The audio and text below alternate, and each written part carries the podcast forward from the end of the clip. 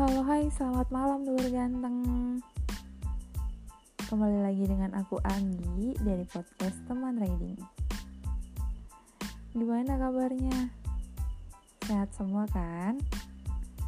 Tempat aman? Hati gimana? Otak? Belum stres banget kan?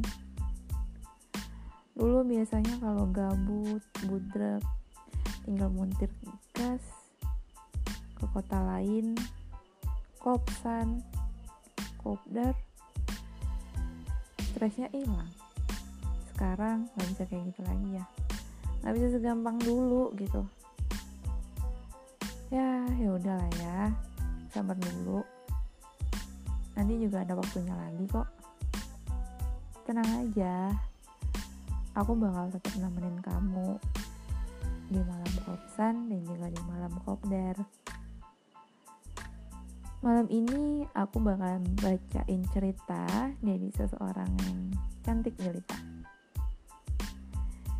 Dia Ragil, member shelter NFA 024 Semarang. Langsung aja ya. Jadi gini, dulu tahun 2017 aku pernah nemenin someone riding yang bener-bener gak bakalan aku lupain sih. Sudah mistis juga soalnya. Rute awalnya sih Jogja Pangandaran lewat jalur pantai. Bener-bener baru pertama kali ke Jawa Barat lewat selatan. Dan itu ridingnya pas Suro Mungkin buat beberapa orang biasa aja ya Tapi selama di jalan bener-bener ngeri. Nggak berhenti cuma sampai Pangandaran. Kita masih lanjut sampai Tasikmalaya dan Garut. Dari Pangandaran ke Garut, bener-bener nggak bisa aku lupain sih. Aku memang lupa nama-nama daerahnya. Tapi suasananya nggak bisa aku lupain. Kita berangkat tiga motor empat orang dari Pangandaran ke Garut, kita berangkat jam 3 sore. Emang rada kesorean sih, karena itu kalau nggak salah hari Jumat. Jadi yang cowok-cowok pada Jumatan dulu. Awalnya aku kira bakal kayak touring-touring biasanya. Ternyata enggak. Suasana jalan desa yang benar-benar sepi, lewati daerah yang berkabut, benar-benar bikin doa nggak putus di jalan. Ada satu daerah yang jujur aku lupa namanya. Tapi jalannya itu nanjak naik ke gun kayak gunung. Soalnya malam jadi nggak tahu nggak begitu ngeh. Dan di situ cuma motor kami bertiga yang lewat. Nggak ada motor warga dan sebagainya. Hanya sesekali dilewati mobil pas dari bawah mau naik ke atas itu ada satu motor yang nempel ngikutin kita. Ya kita pikir dia nyari barengan. Ya udah jalan tuh kayak biasa. Tapi tiba-tiba gerimis terus kita berteduh. Anehnya pas berteduh motor yang awalnya di belakang kita nggak ada Padahal nggak ada rumah warga, jalan lain, atau warung lain. Benar-benar yang kita datengin itu kayak warung pertama setelah hujan datang. Ke mana coba? Apa mungkin putar balik? Soalnya ditungguin juga nggak nyalip-nyalip. Terus gak lama hujan reda. Kabut tebal mulai turun kita lanjut jalan lagi dengan penglihatan yang terbatas. Kita nggak berani ngebut-ngebut karena bener-bener nggak kelihatan jalannya. Kita benar-benar pelan ngikutin marka. Tapi tiba-tiba marka putus di tengah jalan. Jadi kita jalan benar-benar gelagapan kayak orang buta. Tapi tahu nggak? Tiba-tiba ada cewek duduk di tengah jalan. Sumpah ini aku ngetik sambil merinding. tapi itu cewek baik sih ternyata dia kayak mau ngasih tahu bahwa kalau setelah ada dia di tengah-tengah jalan itu bakalan ada pembatas jalan yang mungkin kalau nggak ada dia kita udah nabrak itu pembatas jalan karena bener nggak bener-bener nggak kelihatan sampai di tempat tujuan kita cerita dong pastinya. Dan tuan rumah bilang ternyata memang jalan yang kita lewati itu horor. Katanya daerah tempat pembuangan, pembuangan mayat di zaman Belanda dulu. Makanya sebenarnya disaranin jalan lewat situ itu waktu malam tuh jangan jadi harus siang. Tapi karena kita ngejar waktu ya udah nekat deh. Nggak cuman itu doang sih. Pas kita ikut kopdar di Garut pas di kopdaranya juga masih diteror sama ketawa Makunti dan itu Gak cuma satu orang yang denger. Dan setelah itu kami lanjut jalan lagi dan berakhir di, sampai di Cikampek. Untungnya dari Garut ke Cikampek aman-aman aja. Mungkin karena udah masuk ke daerah yang ramai kali ya. Hei, sekian cerita dari aku. Wow, horor lagi. Minggu lalu kalau cerita horor. Kali ini horor lagi. Jangan sampai aja ini jadi podcast horor ya, geng. Wah, cukup menegangkan sih. Cukup mengagetkan sih kalau tiba-tiba ngeliat ada mbak-mbak duduk di tengah jalan kayak gitu. Salah-salah bisa-bisa kita oleng gara-gara ngindarin itu mbak yang bisa masuk jurang juga kan semoga jadi pembelajaran buat teman-teman juga. Kalau bisa jangan dipaksain jangan nekat banget untuk jalan malam di jalanan yang seserem itu gitu. Lebih baik memang cari jalan yang aman-aman aja ya.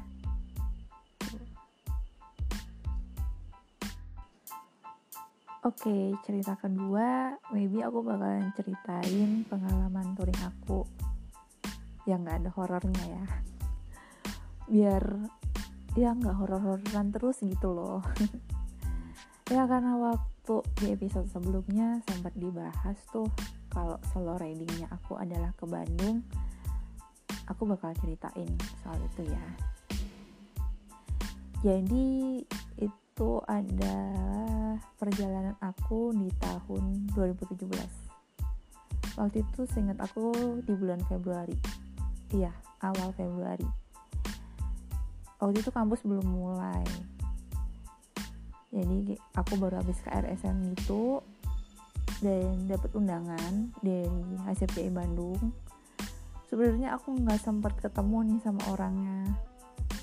Jadi cuma dikasih tahu aja acaranya ada di hari Sabtunya. Sabtu malam minggu gitu. Karena waktu itu memang belum mulai kuliah jadi aku ditawarin sama teman-teman Jawa Barat untuk main di sana. Karena hari Selasa itu udah KRS dan baru mulai kuliah itu hari Senin depan otomatis aku berpikiran apa aku main mulainya dari hari Rabu aja ya? Gitu. Terus karena memang gak ada jadwal lain dan memang aku juga gabut otomatis aku iyain tuh. Aku main aku berangkat dari hari Rabunya. Itu pertama kalinya aku solo riding dan pertama kalinya full box. Jadi aku berangkat dari kosan itu sekitar jam 6 pagi kayaknya. Jam 6 pagi tapi aku nganterin mbak kosku dulu.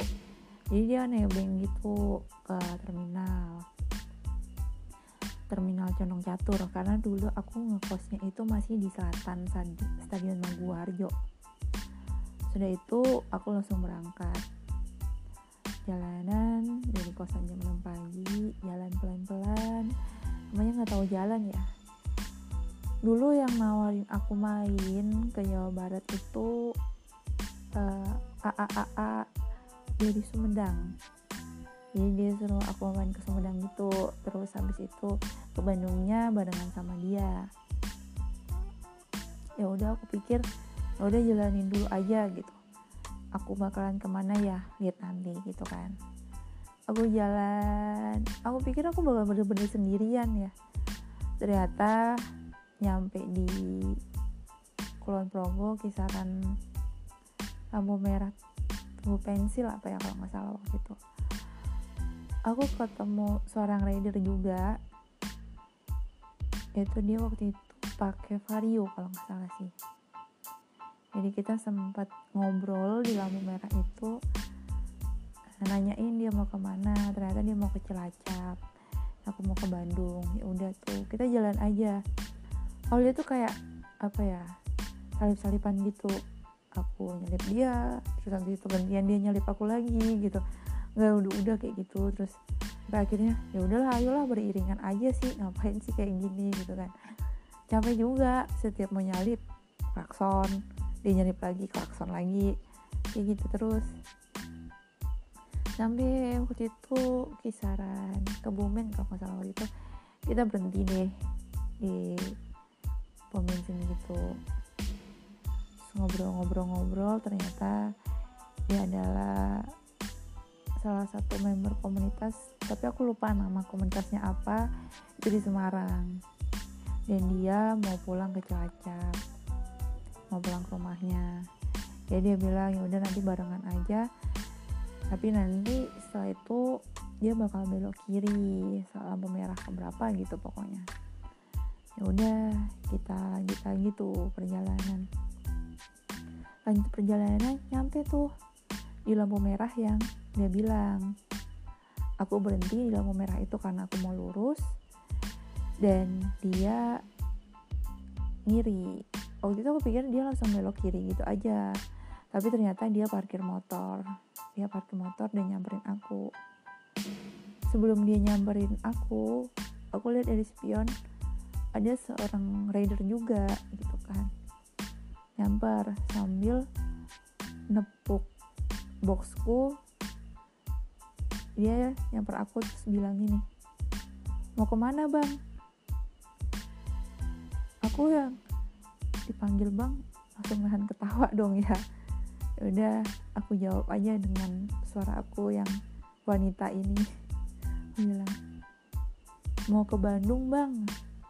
Lah cewek. Kaget dong dia. Terus ya udah bareng aja. Terus habis itu yang yang sebelumnya setelah nyamperin aku dan dengan percakapan kita juga dia bilang sama rider baru ini dia bilang nitip ya bang ini oh iya ya aman gitu. Da, jadi yang rider yang baru lagi ini dia pakai Jupiter MX dia itu aslinya Gunung Kidul. Ya ini baru habis pulang dari Gunung Kidul gitu mau ke tempat rantaunya dia itu di Tangerang aku juga lupa lagi nih nama komunitasnya apa. Nah dia boncengan waktu itu full box juga. Ya udah kita beriringan tuh. Dibukain jalan terus jalan terus habis itu sebelumnya Ciamis itu kita berhenti di pom bensin lagi. Ngobrol-ngobrol di situ jadi dia tuh mau mampir dulu ke Ciamis. Sebenarnya dia mau balik ke Tangerang cuman dia mau mampir dulu ke Ciamis malaman baru jalan lagi dari Ciamis gitu. Lalu sudah lama di situ kita jalan lagi. Jalan nyampe alun-alun Ciamis itu dia pamitan tuh dia bilang ini pokoknya tinggal ngikutin jalan aja nanti tinggal ngikutin pang gitu dia bilang lagi udah sih entaran aja kita anterin deh nyampe Bandung Bandungnya di mana nanti kita anterin sampai tempat. Tapi entaran aja digituin. Kan akunya yang nggak mau gitu. Aku pengen lanjut aja gitu kayak tujuan awal. Soalnya memang aku kan juga nggak bisa nggak bisa banget untuk training malam karena mata kondisi mataku kan.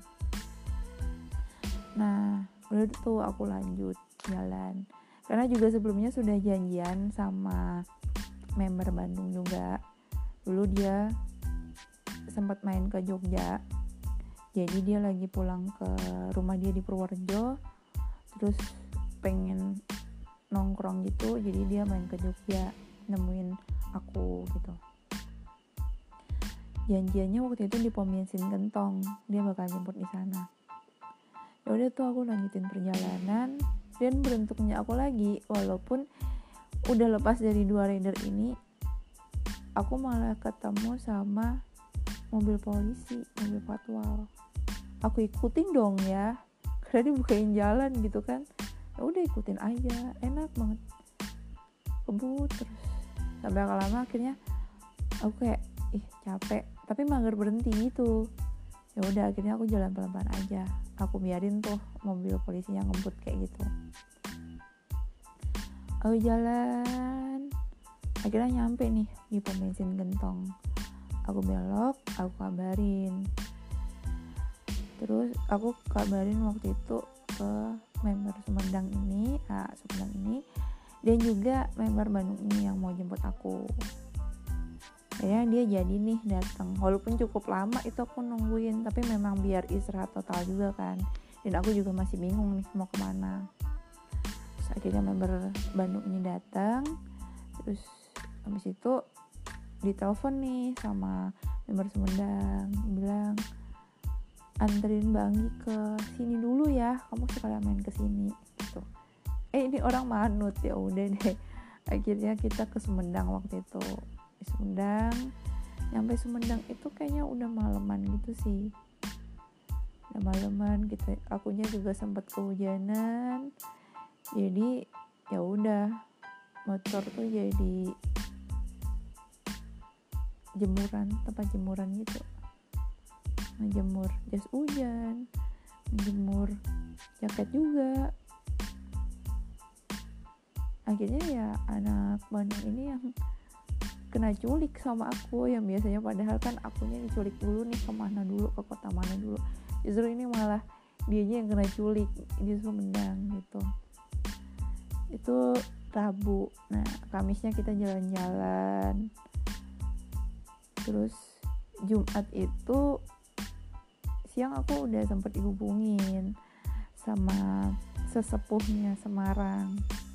Dia ngabarin kalau nanya itu waktu itu kan aku di mana? Aku bilang aku di Sumedang. Dia nyuruh aku tetap di Sumedang dulu tunggu dulu gitu kan. Tapi akunya udah gabut. Akhirnya Jumat malam itu aku udah jalan ke Bandung bareng sama waktu itu ada member Kendal terus sama member Jakarta juga terus sama member Bandung yang tadi juga gitu.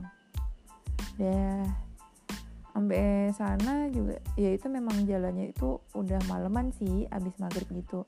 Jadi ya nyampe Bandung ya pastinya udah malam dan di situ dingin banget ternyata. Karena memang aku baru pertama kalinya ke Bandung juga kan. Dingin. Terus ya gak ke mana-mana jadinya. Karena memang aku juga nggak kuat sama dinginnya juga. Ya udah paginya Sabtu paginya baru jalan-jalan tuh waktu itu ke Garut. Terus foto di lingkaran Nagrek juga foto-foto di situ. Terus baru deh ke Tikum penjemputan. Itu dateng tuh anak-anak Semarang masih baru-baru waktu itu. Prospekan-prospekannya yang lagi di prospek gitu kan. Terus rame banget pokoknya waktu itu baru malamnya ke lokasi acara. Lokasi acara pas malam itu diajak ngobrol sama member salah tiga. Nanyain besok aku baliknya lewat mana? Ya aku bilang aku lewat selatan lagi gitu kan. Terus ya bilang ya udah besok bareng deh aku mau ke Jogja. Waktu itu ngomongnya gitu gitu kan. Ya udah akhirnya besoknya kita pagi tuh sekitar jam 8 pagi itu dari Bandung. Berangkat itu rame banget karena yang member salah tiga ini bareng sama anak-anak Semarang.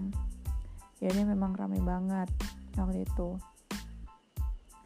Kita jalan waktu itu di lokasi sebenarnya ada kamar mandi.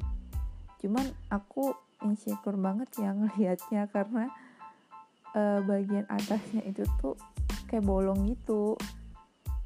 Jadi akunya yang ketakutan ya walaupun aku paham sih nggak mungkin anak-anak se tega itu gitu kan ngintipin aku ngapain juga kan aku kayak cowok gitu ya.